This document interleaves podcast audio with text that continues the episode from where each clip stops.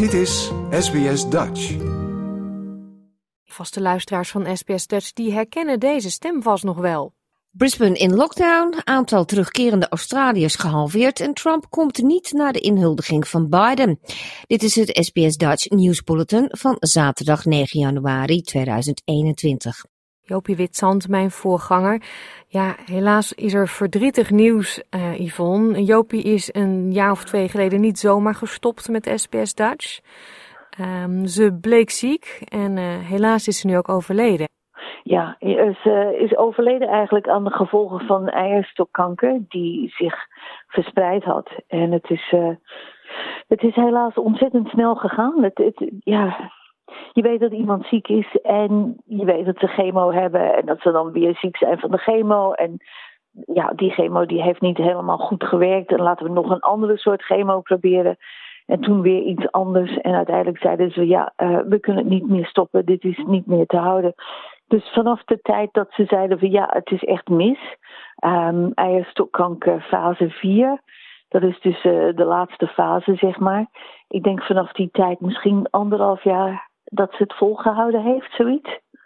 Ja, en, en de mensen die kennen jouw stem misschien ook nog wel, want jij hebt jarenlang ook met Jopie samengewerkt bij SBS Dutch. Jij bent uh, een van mijn voorgangers weer.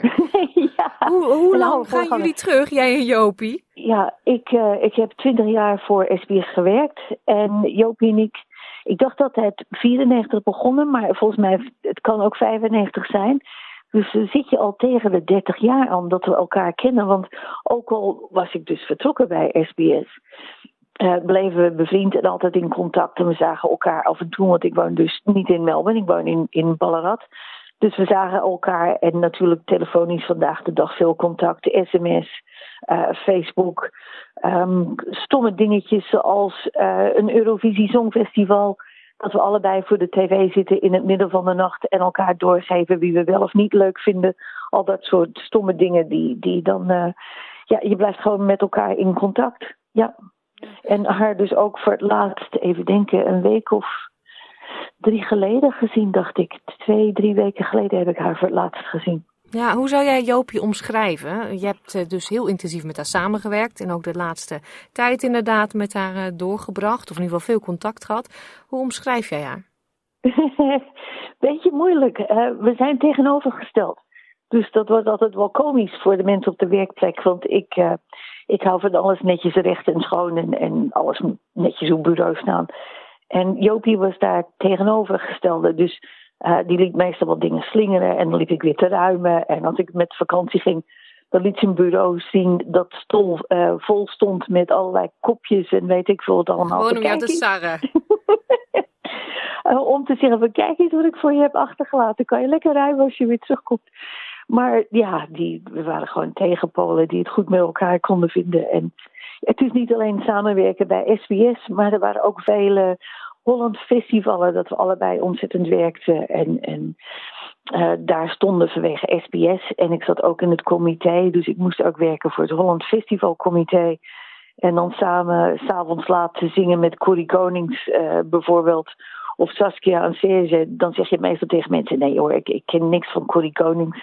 En voordat je het weet, sta je mee te zingen van mooi was die tijd.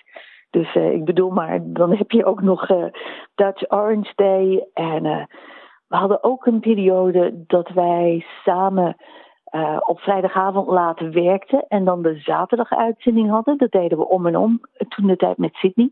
En dan sliep ik bij haar thuis, dus dan gingen we laat naar huis. En dan weer vroeg beginnen op de zaterdagmorgen om alles netjes te zetten, knippen, plakken en uh, klaarzetten. Dus we spandeerden heel veel tijd samen, ook uh, buiten werk.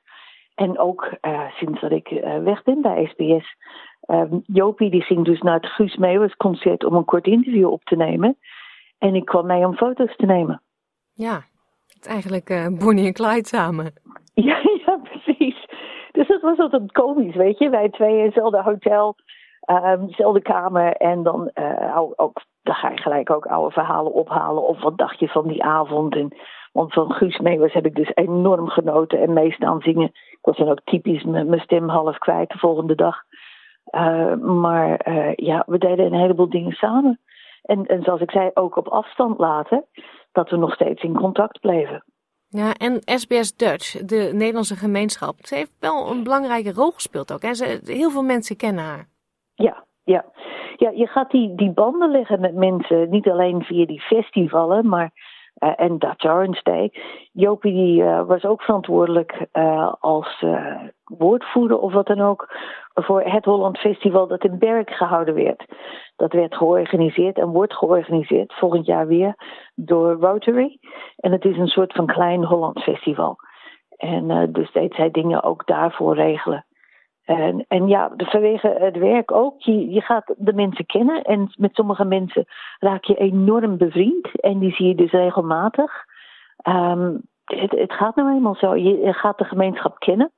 En je ziet het mensen wat regelmatiger. En ook natuurlijk op bijeenkomsten zoals... Uh, vroeger waren er veel dingen van uh, de consul dat we bijeenkwamen. Of Koninginnedag of weet ik veel wat. Uh, ja, er waren regelmatig wel dingen waar we mensen tegenkwamen.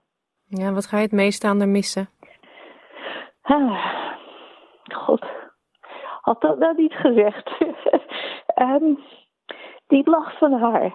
Als ze ging lachen, als, als ze echt ergens lol in had, dan kon je er echt van, van de ene kant van de studio's naar de andere kant horen. Uh, dat was echt altijd uh, ontzettend komisch als, als ze hardop lachten.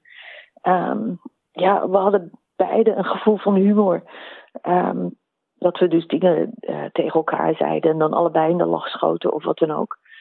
Um, God, wat mis ik het meeste? Ik weet het niet. Ik, haar ik, directheid.